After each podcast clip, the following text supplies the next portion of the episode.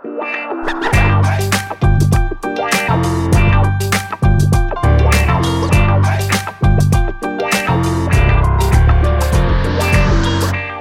welkom bij een nieuwe aflevering van een podcast over voeding. In deze podcastserie gaan we in op de wetenschap achter voeding en laten we wetenschappers aan het woord over allerlei thema's die met voeding te maken hebben.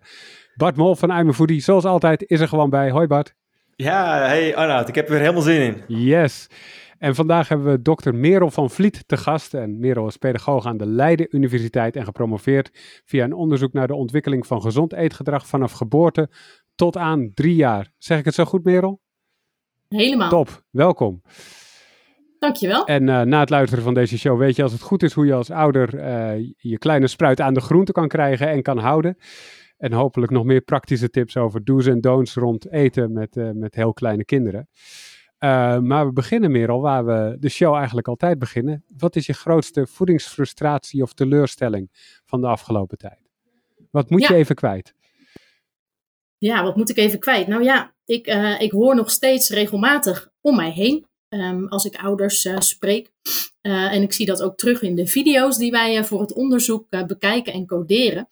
dat veel mensen denken dat het een goed idee is om een kind te leren om altijd het bord leeg te eten. Oh ja, klassieker ja. Ja, ja, klassieker inderdaad. En ja, het is natuurlijk te begrijpen dat ouders, ouders dat nastreven. Hè. Het komt vaak voort uit, uit goede bedoelingen. Je wilt dat je kind voldoende voedingsstoffen binnenkrijgt en goed groeit. Alleen vanuit onderzoek weten we ja, dat die druk van buitenaf om meer te eten, wat je eigenlijk zou willen, eh, niet zo'n goed idee is eigenlijk. Ehm, ja, en die hoeveelheid die opgeschept wordt voor een kind, ehm, is eigenlijk vrij willekeurig, zou je kunnen zeggen. Mhm. Als dat door een ander wordt bepaald. Ehm, en als altijd door die omgeving wordt bepaald hoeveel jij moet eten, ja, dan leert een kind eigenlijk dat het geen zin heeft, als het ware, om zelf naar het eigen lichaam te luisteren. Ehm, ja, dus die zelfregulatievaardigheid, hè, zoals we dat eh, dan noemen, ja, die neemt eigenlijk af eh, naarmate een kind onder druk wordt gezet om meer te eten. Ehm, en als je dus niet meer naar je lichaam luistert als het gaat om eten, ja, vergroot je dus weer de kans op problemen met het eten. Ehm, door bijvoorbeeld te gaan overeten op latere leeftijd, omdat je de feeling met je lijf eigenlijk kwijtraakt. En ja, daarom hanteren wij ja, onder de collega's altijd graag de vuistregel. eh, als ouder bepaal je wat er gegeten wordt en je kind bepaalt hoeveel. Ehm, dus daar wilde ik eh, mee beginnen. Maar hoe doe je dat dan? Ja, hoe doe je dat? Ja, Ehm, nou ja, goed. We, ik heb het specifiek eigenlijk over de avondmaaltijd hier, hè, Ja. omdat dat met jonge kinderen vaak eh, ja, de, de meeste problemen oplevert. Dat doe je door, ja, door goed te, te kijken naar de signalen van je kind. En als we het dan hebben over hele jonge kinderen eh, die dat nog niet verbaal kunnen uitdrukken, eh, ja, dan kan dat zijn eh, de mond dicht houden als, als de lepel komt, of het hoofd wegdraaien, of nou ja, allerlei non-verbale signalen als het ware. Eh, en als ze ouder zijn, kunnen ze natuurlijk aangeven dat ze, dat ze het niet meer willen eh, door, eh, door nee te zeggen of, of wat dan ook. En we weten ja, dat het eigenlijk het beste is als ouders daar ja, van jongs af aan zoveel mogelijk in meegaan. Mhm. Ja, ook al gaat het soms een beetje tegen je natuur Ja. in. Ja, want Ja. Maar ik, ik had er gelijk nog een, een eh, praktische vraag hoor. Eentje uit mijn eigen ervaring eigenlijk van eh, gisteravond. Maar we komen straks nog even, even op je onder- onderzoek. Maar hoe, Ja. hoe zit dat? Want ik had dan namelijk gisteravond een heerlijke overschotel gemaakt met eh, zalm en met eh, broccoli. En mijn oudste zoon die eh, keek het aan van ja, nee, eh, ik ga niet eten. En wij hebben zelf ook dan de aanpak van, nou, oké, eh, wij bepalen wel wat je, eh, ja, wat op tafel staat en jij bepaalt maar hoeveel dan. En je zegt, ja, oké, dat ga ik niet doen. Oké, en ik zei, nou, misschien wil je dit nog een beetje, want er zat ook een beetje kaas op, weet je wel, een beetje, nou, eh, ik dacht van, nou, misschien, misschien een beetje de bodem dan. Nou, probeer het van alle kanten, probeer het dan een beetje te coachen en te doen. Eind van het verhaal is dat hij zegt, joh, ik ga het niet doen. En dan zegt hij, Ja. ik heb eigenlijk wel eh, trek in yoghurt. Ja, dan kijken mijn vriendin en ik wel aan, ja, wat gaan we doen? Ik bedoel, je wil ook niet per se dat hij dan, ja, gewoon helemaal niet eet en dan met niks naar bed gaat. En soms zijn we een soort van hardleider van, nee, up, ook niks. Dan, nou, dan bekijk het maar. Maar dan gisteravond was van, ja, ja, doe hem dan maar yoghurt of zo. Dus Ja. dat is dan mijn, mijn concrete vraag. Hij bepaalt wel of hij eet. Maar ja, dan nu bepaalt hij dat hij dat niet gaat doen. Terwijl hij yoghurt heeft hij zo'n hele bak op. Dan denk ik van ja, we kunnen niet elke dag eh, het signaal geven. Je laat dan maar het avondmaal staan en we gaan gelijk door naar de yoghurt. Nee, dat is zeker waar. En dat is een hele relevante vraag. En ook een heel veel voorkomende situatie, denk ik, voor, voor veel ouders. Ook voor mijzelf. Ik heb zelf ook een uh, één kieskeurige eter en één alleseter thuis. Dus ik kan mooi het verschil uh, bekijken. Ja, laten we even beginnen met die, met die overschotel. Um, ja, vaak kinderen die wat meer moeite hebben met, met eten. Hè, dus de kieskeurige eter, uh, zo gezegd. zeker in de peuterleeftijd. heeft vaak meer moeite met het samengestelde gerecht, zo gezegd. Dus eigenlijk ja, een gerecht waarin de onderdelen niet goed te onderscheiden zijn, als het ware. Um, dus dat kan inderdaad een overschotel zijn of een pastasaus of, uh, of zoiets. Uh, en ja, van nature hebben kinderen dan ja, de drang om dat te wantrouwen, als het ware. Wat op zich gezond gedrag is. ja, waardoor ze dus kunnen denken, ja, dit ga ik gewoon echt niet doen. Ja, en die vuistregel waar ik het net over had, hè, van, van, van het kind bepaalt hoeveel, gaat eigenlijk vooral om kinderen die al aan het eten zijn. En en uh, op een gegeven moment aangeven gewoon niet meer te willen eten. Uh, en dat je daar vooral van meet af aan, ik vind eigenlijk met melkvoeding al, goed naar moet luisteren als ouder.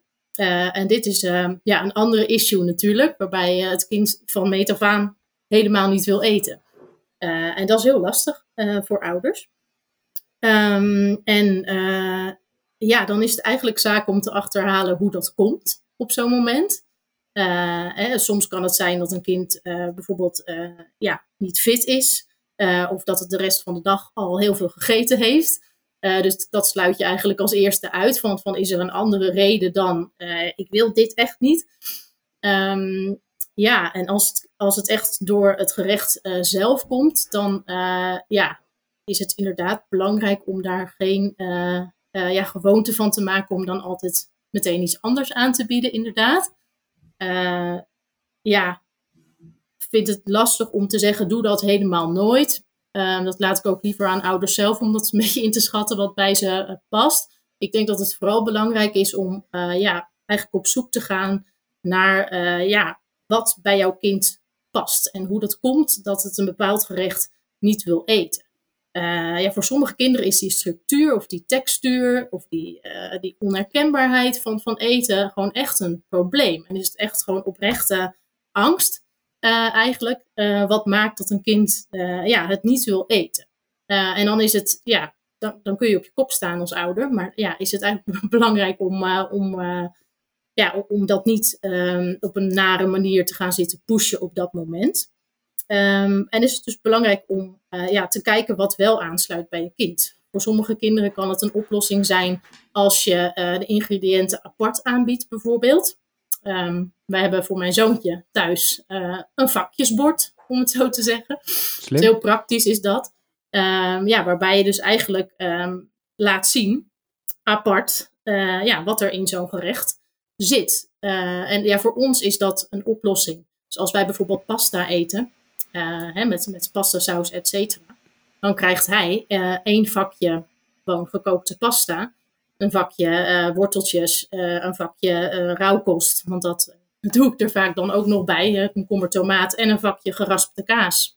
Um, en dan ben ik blij als hij, als hij, de, ja, als hij daar gewoon van eet.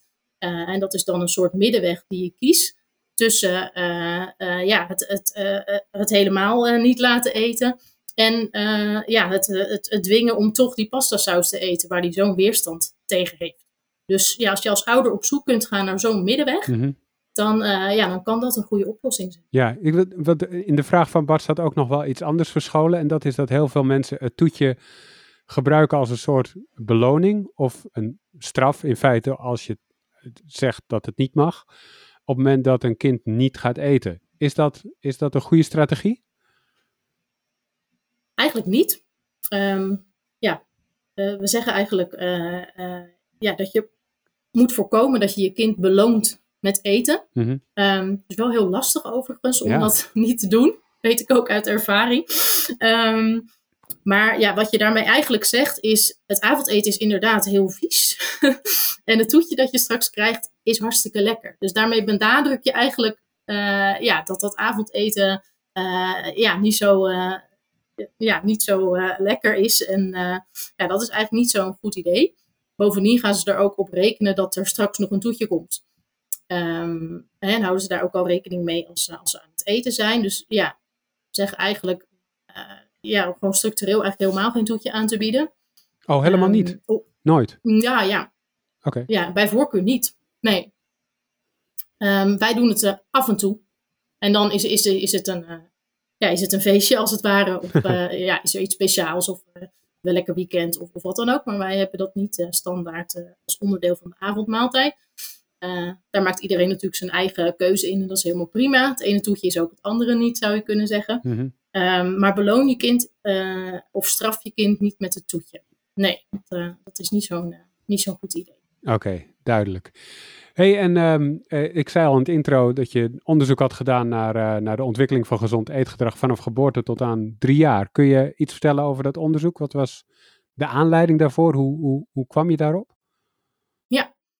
Ehm, ja, de aanleiding was eigenlijk, eh, het onderzoek is in 2016 begonnen, dus dat is al even geleden, maar dat er structureel te weinig groente gegeten wordt en dat dat al van jongs af aan begint. Mhm. Ehm, en onze studie, eh, die baby's eerste hapjes heette, heel eh, praktisch, eh, is een studie waarin we ouders van een eerste kind hebben gevolgd. Dus vanaf het moment waarop ze die eerste hapjes vaste voeding gingen aanbieden, tot de leeftijd van drie jaar inderdaad. Ehm, met als overkoepelend doel om het eten van groenten bij jonge kinderen te stimuleren. En daarnaast om ook een gezond gewicht te bevorderen. Ja, en daarvoor hebben we gezinnen eh, meerdere, op meerdere momenten in die periode bezocht. Hebben we heel veel video-opnames gemaakt, eetdagboekjes afgenomen eh, en noem zo maar op. Oké, en wat, wat, wat, ja, dit klinkt heel flauw, maar wat kwam, wat kwam eruit? Wat zag je toen je, toen je die, eh, die kinderen ging volgen? Ja, wat kwam eruit? Nou ja, we hebben geprobeerd om, om met adviezen aan ouders ehm, ehm, ja, in een bepaald deel van de groep hè, eh, te kijken of die kinderen eh, meer groente gingen eten dan de rest. Eh, en zo begonnen we in die groep ehm, met het aanbieden van groente in plaats van met het aanbieden van fruit. Mhm. Ehm, hè, dus dan heb ik het over de allereerste hapjes vaste voeding. Ehm, waarbij we dus gecontroleerd hebben dat een bepaald deel van de mensen begon met drie weken lang elke dag een bepaalde smaak groente aan te bieden. Terwijl de andere groep fruit en, eh, en een zoete groente eh, wortel aanbood. Ehm, dus dat heet eh, de Repeated Exposure methode. Mhm. Wat eigenlijk betekent dat je, nou ja, dat je je kind herhaaldelijk blootstelt aan verschillende soorten groenten. Dus dat hebben we op die manier hebben we dat vergeleken. En verder hebben we in die groentegroep, zo gezegd, ook bepaalde tips gegeven aan ouders. tot een leeftijd van 16 maanden ongeveer. En na die periode gekeken of dat wat opleverde. Nou ja, wat vonden we nou? Ehm, in die groentegroepen werd eigenlijk op korte termijn meer groente gegeten dan in die andere groepen. Ehm, dus die repeated exposure methode, die, eh, ja, die hielp op korte termijn. Maar op lange termijn eh, vonden we geen verschillen meer Ah. tussen de groepen.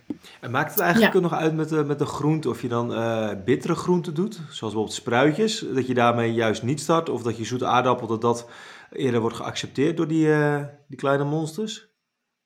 Zoetere groenten worden inderdaad makkelijker geaccepteerd. Ja, zoals wortel, zoete aardappel, eh dopertjes. Ja, dat klopt. En eh, we hebben juist die repeated exposure methode getoetst met groene groenten. Om, om juist te kijken of, je dat, ja, of, of ze dat op die manier makkelijker gaan eten. Omdat dat juist verder afstaat van dat fruit, als het ware. Maar uiteindelijk kwam er dus uit dat er geen verschil was op de langere termijn. Dus de, de baby's Nee. die groente hadden gehad, aten later evenveel groente als de baby's die fruit hadden gehad. Ja, dat klopt. En nou moet ik er wel bij zeggen dat dat eh, waarschijnlijk voor een groot deel aan onze onderzoeksgroep lag. Eh, want als we gingen kijken naar hoeveel gram de kinderen in alle groepen aten, hè, op, op 18 en 24 maanden heb ik het eh, nu over, Mhm. ehm, dan aten ze in alle groepen bovengemiddeld goed. Dus er viel eigenlijk voor, eh, ja, voor, de, voor de adviesgroepen eh, niet zo heel veel te verbeteren, zou je Ah. kunnen zeggen. Dus we hadden eigenlijk te maken met een steekproef die al gemotiveerd was om, om goed eh, ja, hè, met gezondheid bezig te zijn. Waarschijnlijk, ook al hebben we wel geprobeerd om dat natuurlijk niet te veel te benadrukken, maar dat is wel lastig. Ja, Ja, je doet ook Dus mee zo'n eigenlijk, onderzoek eh, natuurlijk. Dus dan ben je er ook al, dan Juist. word je er ook juist. al de en die factor, ja, die, die kun je gewoon niet controleren. Dus uiteindelijk eh, aten ze gemiddeld eh, rond, de, rond de 80 gram. Ehm, terwijl de aanbevolen dagelijkse hoeveelheid voor kinderen van die leeftijd minimaal 50 gram is. Zo. Dus ja, Dus er waren wel wat verschillen tussen groepen, maar er was niet genoeg om, om betekenisvol te zijn, als het ware. En zag je dan ook nog, uh, waren er andere factoren die wel van invloed waren op hoeveel groenten er uiteindelijk gegeten werden? Of was er gewoon helemaal niks uh, uiteindelijk? Uh, Zo'n verschil dat je dat als significant kan aanmerken? je bedoelt of er factoren waren binnen het onderzoek zelf die, die daarmee te maken hadden? nou ja, er was een relatie bijvoorbeeld met kieskeurigheid van eten. Mm -hmm. dus dat, dat kinderen die volgens ouders meer kieskeurig zijn, want die inderdaad ook meer moeite hadden eh, met groenten. Dus die groenteinname in gram was dan ook lager eh, bij kinderen die over het algemeen selectiever zijn in hun eetgedrag. Mhm. Eh, dus dat is een factor wat, wat wel een rol speelde, ja. bijvoorbeeld. Ja. En, en, ik weet niet of jullie hebben gekeken naar ouders en of die van zichzelf al veel groente eten en zo. Of speelt dat een rol? Ja. Dat is een goede vraag. Dat zou zeker een rol kunnen spelen. Ja, we hebben dat ook uitgevraagd, maar we hebben nog een heleboel data liggen die nog geanalyseerd moet worden. en dat is een van de factoren waar we nog naar willen kijken. Zeker. Ja. ja. Ik had trouwens eh, in jullie uh, te voorbereiden op de show, had, ik ook het uh, onderzoek doorgenomen. En er werd ook specifiek genoemd over het sensitief voedingsgedrag van, van de moeder. Uh, Hoe zit het eigenlijk met de rol van de vader? Want uh, die schijnt ook daar nog wel een rol in te kunnen hebben, toch? Of uh, wordt die specifiek alleen naar de mama's gekeken?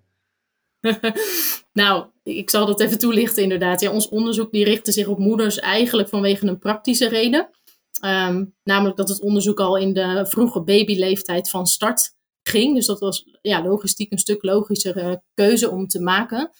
Uh, en ja, dat wil niet zeggen dat de rol van vader natuurlijk niet belangrijk is. Als het, als het gaat om het uh, stimuleren van gezond eetgedrag en interacties aan tafel tijdens de maaltijd, is de vader minimaal net zo belangrijk als de moeder daarin.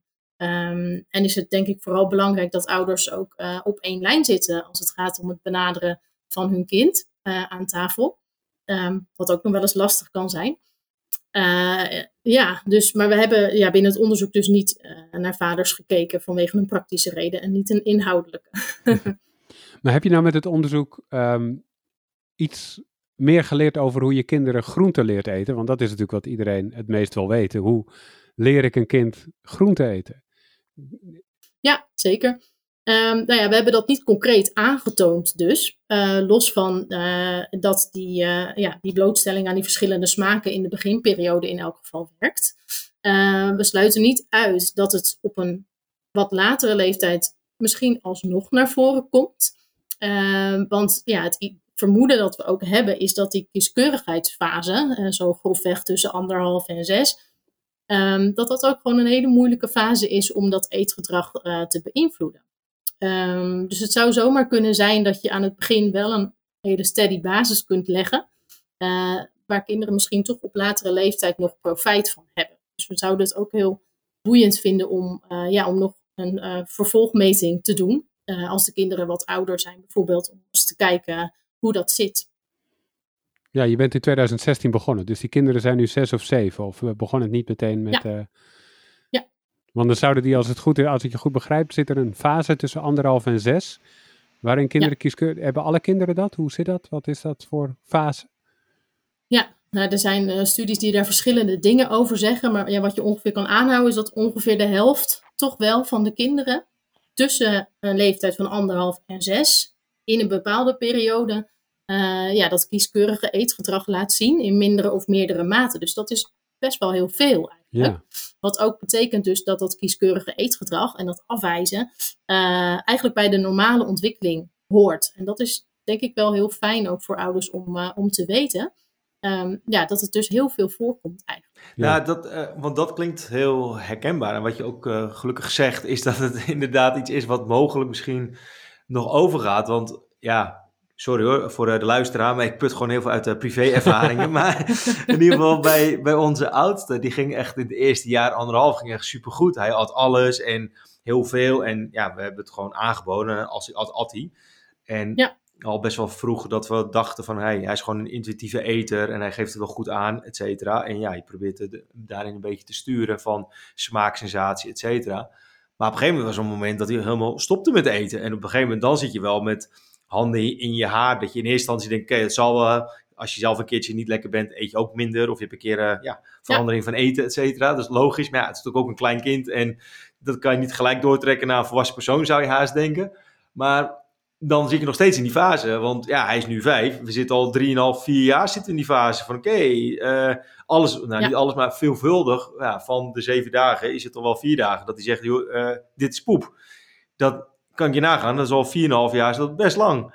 Dus heb je daar gewoon nog een soort van, of misschien ook uit je privé-ervaring, maar meer van hoe, ja, welke tools, tips kan je geven van probeer het, want natuurlijk, het moet gezellig aan tafel zijn, dat lijkt me logisch. Maar wat kan ik daar nog meer aan, aan doen? Want ja, persoonlijk heb ik ook zoiets, ja, ik ga niet drie maaltijden koken. Eén voor mezelf, één voor, voor mijn ene kind, één voor mijn andere kind. Ja, dat, die tijd heb ik op een gegeven moment ook gewoon, gewoon niet. En ook in principe dat ik denk van, ja, we eten gewoon wat op tafel staat en je leert het maar een beetje. Ja, ja. Ik, uh, ik snap helemaal wat je bedoelt. Laat ik beginnen met te zeggen dat kieskeurig eetgedrag hartstikke lastig is voor ouders om mee om te gaan. Dus daarin ben je echt niet de enige, Bart. Um, ja, mijn zoontje is dus ook een kieskeurige eter, uh, zoals ik zei. Dus ik weet ook hoe frustrerend het uh, kan zijn. en je wilt ook als ouder dat je kind natuurlijk gezond en gevarieerd eet. En je wilt dat stimuleren. ja, en dat dat dan problemen oplevert, dat kan ja, op dagelijkse basis voor frustratie zorgen natuurlijk. Dus dat, dat begrijp ik uh, helemaal. Uh, ja, wat goed om te weten is, denk ik, is dat er ja, echt slechts een heel klein percentage is dat ook op latere leeftijd een hele kieskeurige, eenzijdige eter blijft. Uh, want de meeste kinderen leren op den duur toch wel om groenten te eten. Um, ja, omdat, we, omdat ze leren dat het gezond is. ja, steeds toch een, een, groente erbij gaan proeven. hè, dan heb ik het wel over een traject van een aantal jaar voor de kieskeurige eters natuurlijk. en jonge kinderen hebben die motivatie van binnenuit ook nog niet. Als het ware. Dus dat, dat groeit eigenlijk met de jaren. Maar ja, we weten dat het, dat het na vijf, zes jaar, zeg maar, wat, makkelijk, wat makkelijker wordt. En ik hoor jou zeggen, ehm, ongeveer de helft van de week. Nou ja, dan is de andere helft dus wel oké. Okay, als ik het, als maar ik dat ligt altijd bij jou wat je aanbiedt. Want wat het fascinerende Zeker. is, dus uh, zelfgemaakte pizza of pannenkoeken uh, of friet uit de oven. Ja, dat gaat ja. erin als uh, zoete koek. Weet je wel, ja. dat vind ik fascinerend. En, uh, en ja, ja, dan heb je natuurlijk heel veel. Ja, bij een tweede of derde kind is het weer dat je denkt, ja, die eet wel alles. Waarom eet die, die het wel? Weet je, nou, wat ik dit noemde. Ja. Maar oké, okay, dat, ja. dat zijn dus wel die andere drie dagen. Dan weet je, heb je even het evenwicht. en dat je ja, kiest nee, dat is even voor mijn uh, beeldvorming Ja, precies. Want op een gegeven moment komt die pasta lasagne of uh, die wraps, wat ik het... Ja, dat komt op een gegeven moment ook een beetje uit je neus. Je, ja, ik heb wel zin om wat anders te eten. Ja, ja nee, dat verder. begrijp ik. Ja. ja, en ik snap dat je geen drie gerechten wil koken. Maar soms kun je hetzelfde bereiden en het dan toch even apart houden uh, voor jouw kieskeurige eter. Omdat je gewoon weet dat het dan wat beter gaat. Um, ik moet zeggen dat wij thuis ook niet uh, verschrikkelijk veel verschillende dingen aanbieden aan, uh, aan onze oudste. Um, ja, en dan is dat een fase die hopelijk uh, op een gegeven moment voorbij gaat. En waarbij je je kind geleidelijk aan leert om dingen te proeven.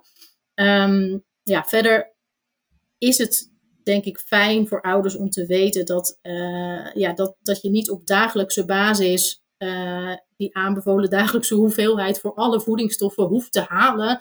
Uh, en dat het ook best prima is als je over twee weken verspreidt of zo, ik, zeg maar wat, uit alle voedselgroepen wat binnenkrijgt. Dus dat, dat je echt uh, ja, die druk om ja, te voelen, we moeten toch minimaal 100 gram groente elke dag, dat je dat best een beetje mag loslaten. omdat we weten dat um, ja, ook de kieskeurige eters eigenlijk zelden echt voedingsstoffen tekort komen. Um, dus, dus dat is wel fijn, uh, geruststellend idee, uh, denk ik. Um, ja, dus, dus heb geduld, uh, Bart, en, en houd hoop voor hierna. Um, ja, en, en dan zullen we zien hoe het, hoe het verder gaat. Ja, want het haakje wat je nu plaatst is wel, dus als je ongeveer zes moet zijn, dan begint voor mij al wel de, de drang te komen van oké, okay, hebben we hier te maken ja. inderdaad met een verandering? Dat ik denk, hé, hey, het gaat de goede kant op. Of ja. moet ik nog een paar jaar geduld hebben? Oké. Okay. Ja, nee, ik heb wel een voorbeeld van, mijn, van mijn zoontje, die dus, dus ook maar een paar soorten groenten eet. Maar goed, hij eet een paar soorten groenten. Dus dat zie ik als iets positiefs. Mm -hmm. Dus ik heb de lat al heel erg naar beneden bijgesteld in de loop der jaren. Maar goed, laatst um, aten we groene asperges. Um, wij, de kinderen, niet. Uh, en toen hadden we een gesprek over dat het topje van de groene asperge extra lekker is. lekkerder dan nou ja, de rest van, van de groenten. En toen gaf hij uit zichzelf aan dat hij dat topje wel wilde proeven. Hmm. en toen dacht ik, wat gebeurt hier? Want ja, groene groenten eet hij in principe niet. Maar ja, hij hoorde ons daar zo over praten. En toen dacht hij, nou ja, ik wil het toch proberen. En toen heeft hij uiteindelijk twee aspergetopjes gegeten. Uh, waar ik natuurlijk hartstikke gelukkig mee was.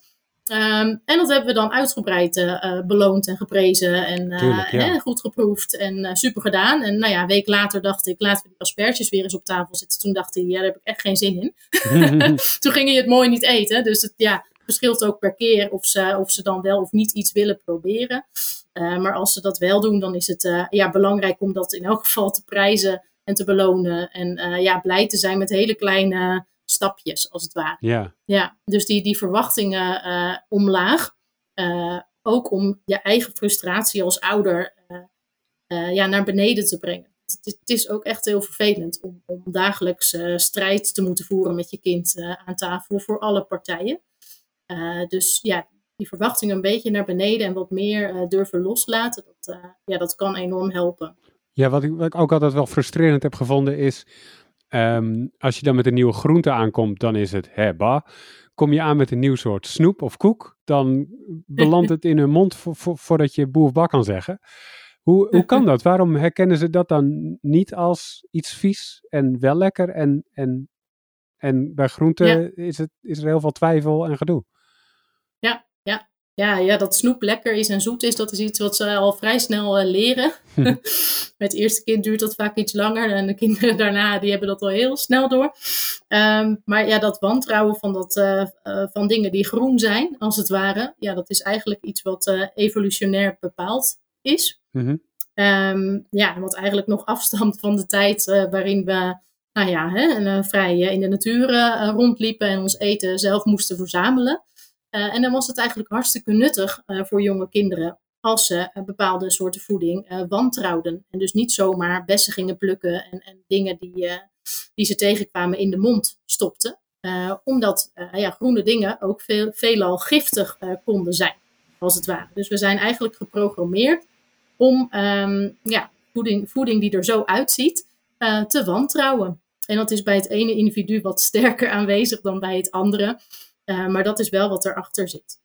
Oké, okay. groen snoep gaat er trouwens wel in hoor. ja, inderdaad. Ja, maar dat is toch ja, dat is aangeleerd, denk ik. denk, denk het ook. ja.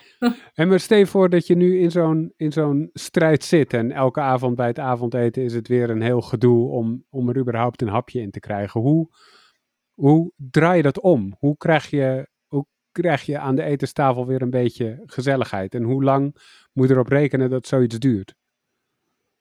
Ja, en hoe lang moet je erop rekenen? Dat is echt heel erg per kind verschillend. Maar ja, die fase uh, die ik net noemde, die, die, kan dus best wel een tijdje duren.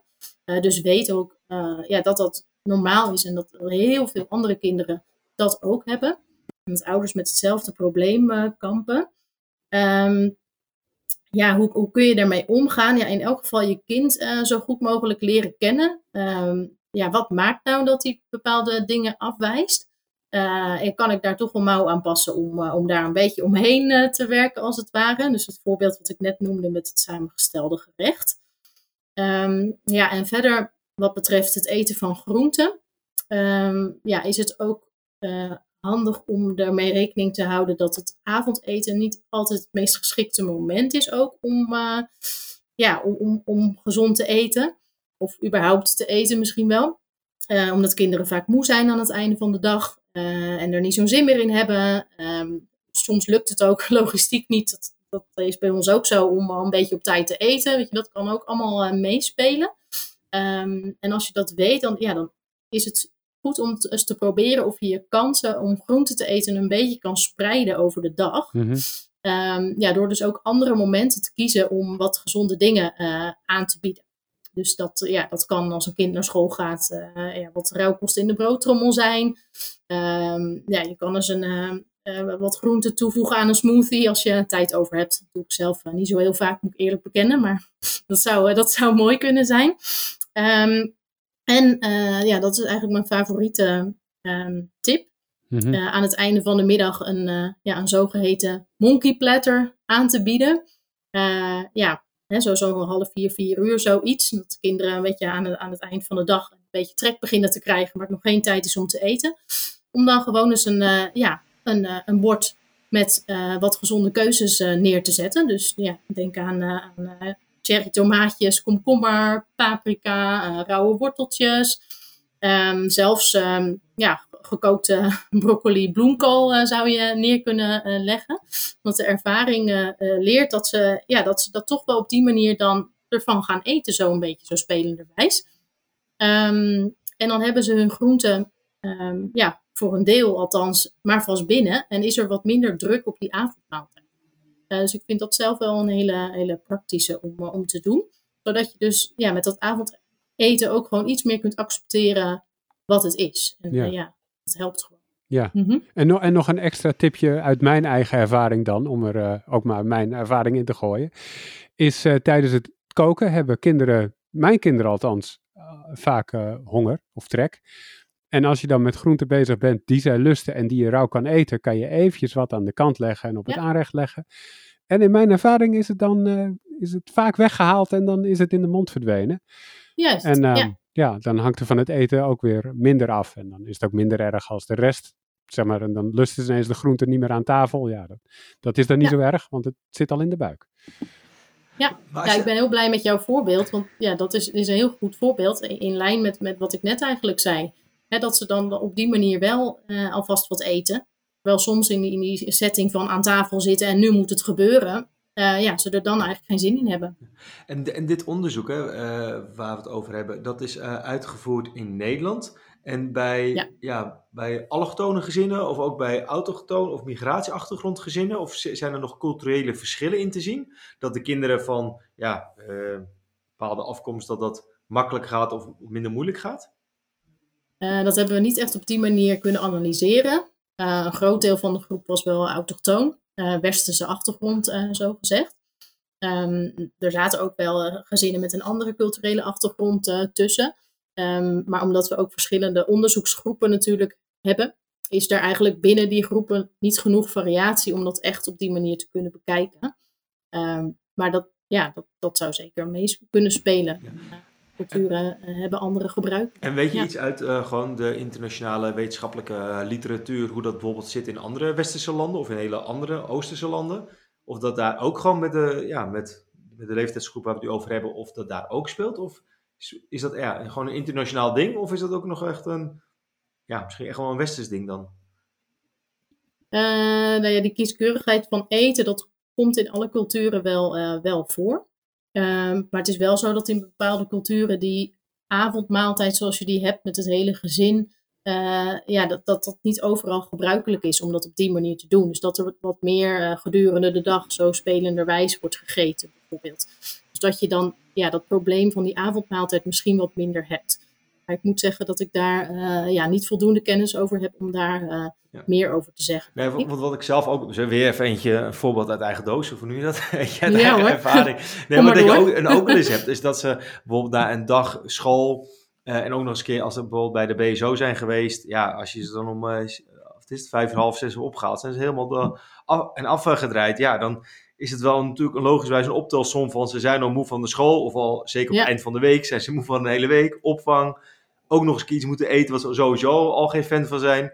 Dat ik denk, wel eens denk, ja, moet het niet radicaal omdraaien? Dat we gewoon smiddags, dan zijn ze nog een stuk fitter, dat je dan nog gewoon de warme maaltijd aanbiedt. En dat je gewoon s'avonds gewoon eindigt met brood. Want persoonlijk is bij ons het ontbijt en lunch gaat altijd hartstikke goed. Zijn ze hele makkelijke eters. Uh, En ik weet niet of daar ook nog een soort van kausaal verband zit hoor. Of een correlatie dat juist de meeste kinderen echt wel gewoon moeite hebben met het avondeten of het warme eten. Maar dat je daarin kan wisselen, zeg maar. Maar wat kan je daarover zeggen? Ja, zeker. Dat zou zeker een, uh, een oplossing kunnen zijn. Uh, je ziet ook wel uh, ja, dat, dat dagverblijven hier en daar ook een warme maaltijd beginnen aan te bieden hè, aan kinderen. en dat is een hartstikke mooie manier om ja, dat, dat gezonde eten wat te stimuleren, inderdaad. Um, want het, het, klopt zeker dat, ja, dat het eind van de dag moe en, en hongerig en, en er klaar mee, dat dat, dat, dat niet meehelpt met het willen eten. Dus ja, dat, dat zou zeker uh, een oplossing kunnen zijn. Ja. Ja, wat zeker bij BSO's, dan is het uh, zien eten, is doen eten, toch? Ik bedoel, als ik dan zie, zeker. soms dan uh, krijg ik te horen wat ze allemaal hebben gegeten. Van nou, dat gebeurt thuis niet in ieder geval. ja, ja, ja, dat is helemaal waar. Ja, ja. Ja, dat zie ik ook als we bijvoorbeeld een vriendje of vriendinnetje op bezoek hebben. En we zetten inderdaad zo'n zo'n monkey platter of zo neer. waar ik het net over had, met verschillende soorten ja, gezonde voeding. Ja, dan zie je inderdaad dat ze, dat ze gewoon, gewoon beginnen te eten en elkaar ook stimuleren daarin. dus dat werkt hartstikke goed. Ja, zeker. Ja.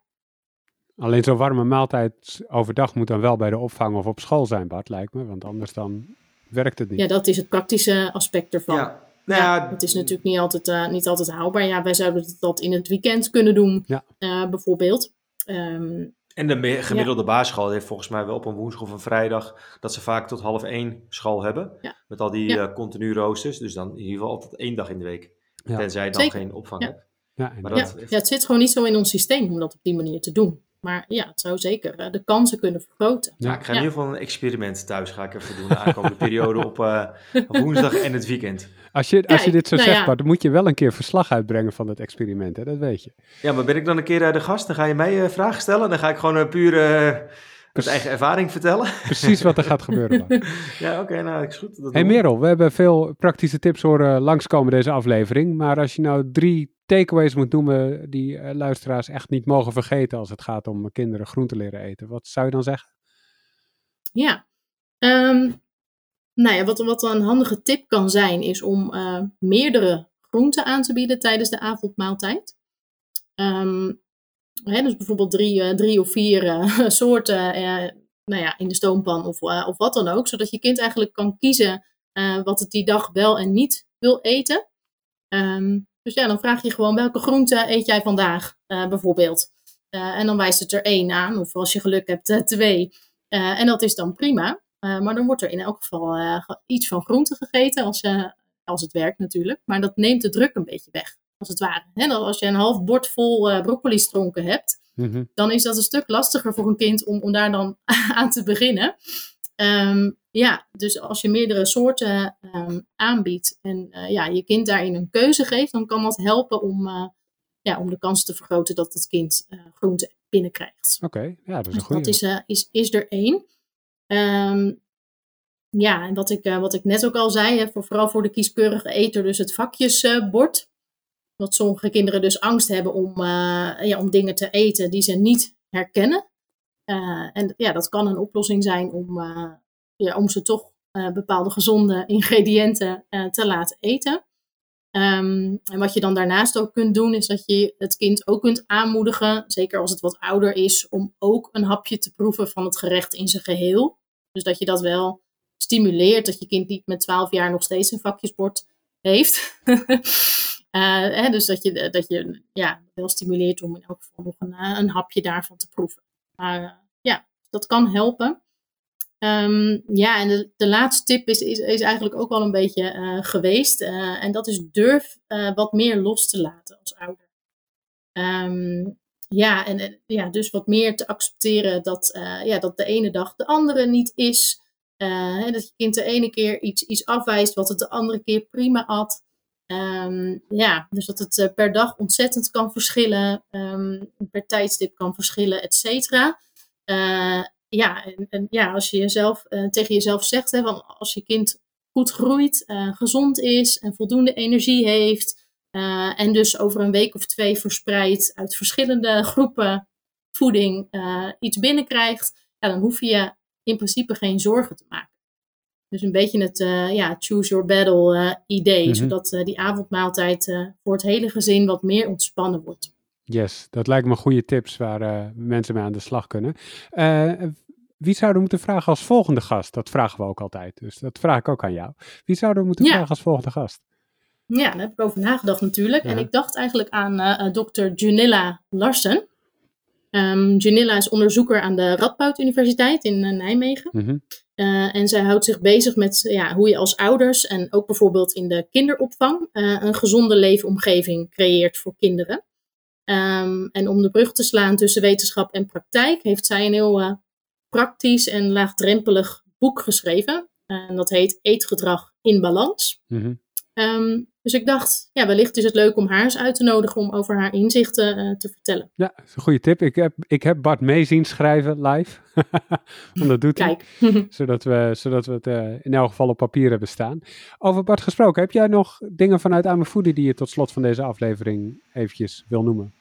Nou, ik denk dat het ook wel een, eh, een hele relevante titel is. Dat wij hebben vorig jaar eh, het boek Eet als een expert mini hebben geschreven met uh, twee collega's uit België. Rolinde de Meijer en Eline Tommelijn. En dat gaat ja, van geboorte, van borst, borstvoeding, flesvoeding tot twee jaar. Omdat het juist in die eerste twee levensjaren ja, het enorm snel gaat met, ja, met de baby. ja, van de geboorte tot het leren eten, proef eten, hapjes, et cetera. En daar hebben we ook ehm, ja, een heel mooi boek over geschreven. Dus ik zal even een link in de show notes zetten. En hebben ook ehm, vorig jaar ook een aantal mooie shows over gemaakt. Met een aantal eh, hele goede en concrete tips hoe je het uh, gezellig kan houden tijdens het eten. Ja. Punt. Ja, oh ja, en natuurlijk vriend van de show, vriend van de show.nl slash pof. Hè, maar dat moeten we altijd even roepen. Hè, dat we wel gewoon vrienden houden van de, dat die nog lid uh, kunnen worden. Ja, klopt. Want uh, met meer vrienden kunnen we meer mooie shows maken en, uh, en betere shows maken. En nou ja, dat willen we natuurlijk erg graag. Vriend, vriend van de show.nl slash POV is dat. Wil ik tot slot nog even zeggen, als je deze podcast nou leuk vindt, geef ons sterretjes in je favoriete podcast app. Of laat een recensie achter als dat kan. Dat helpt ook anderen om ons weer te vinden. Dankjewel Merel. Met plezier gedaan. En dankjewel Bart. Ja, helemaal goed. Leuk. Uh, ja, tot de volgende show, uh, Arnoud. Yes, tot de volgende show. Dankjewel voor het luisteren. Doei doei. Doei doei. Later. Doei.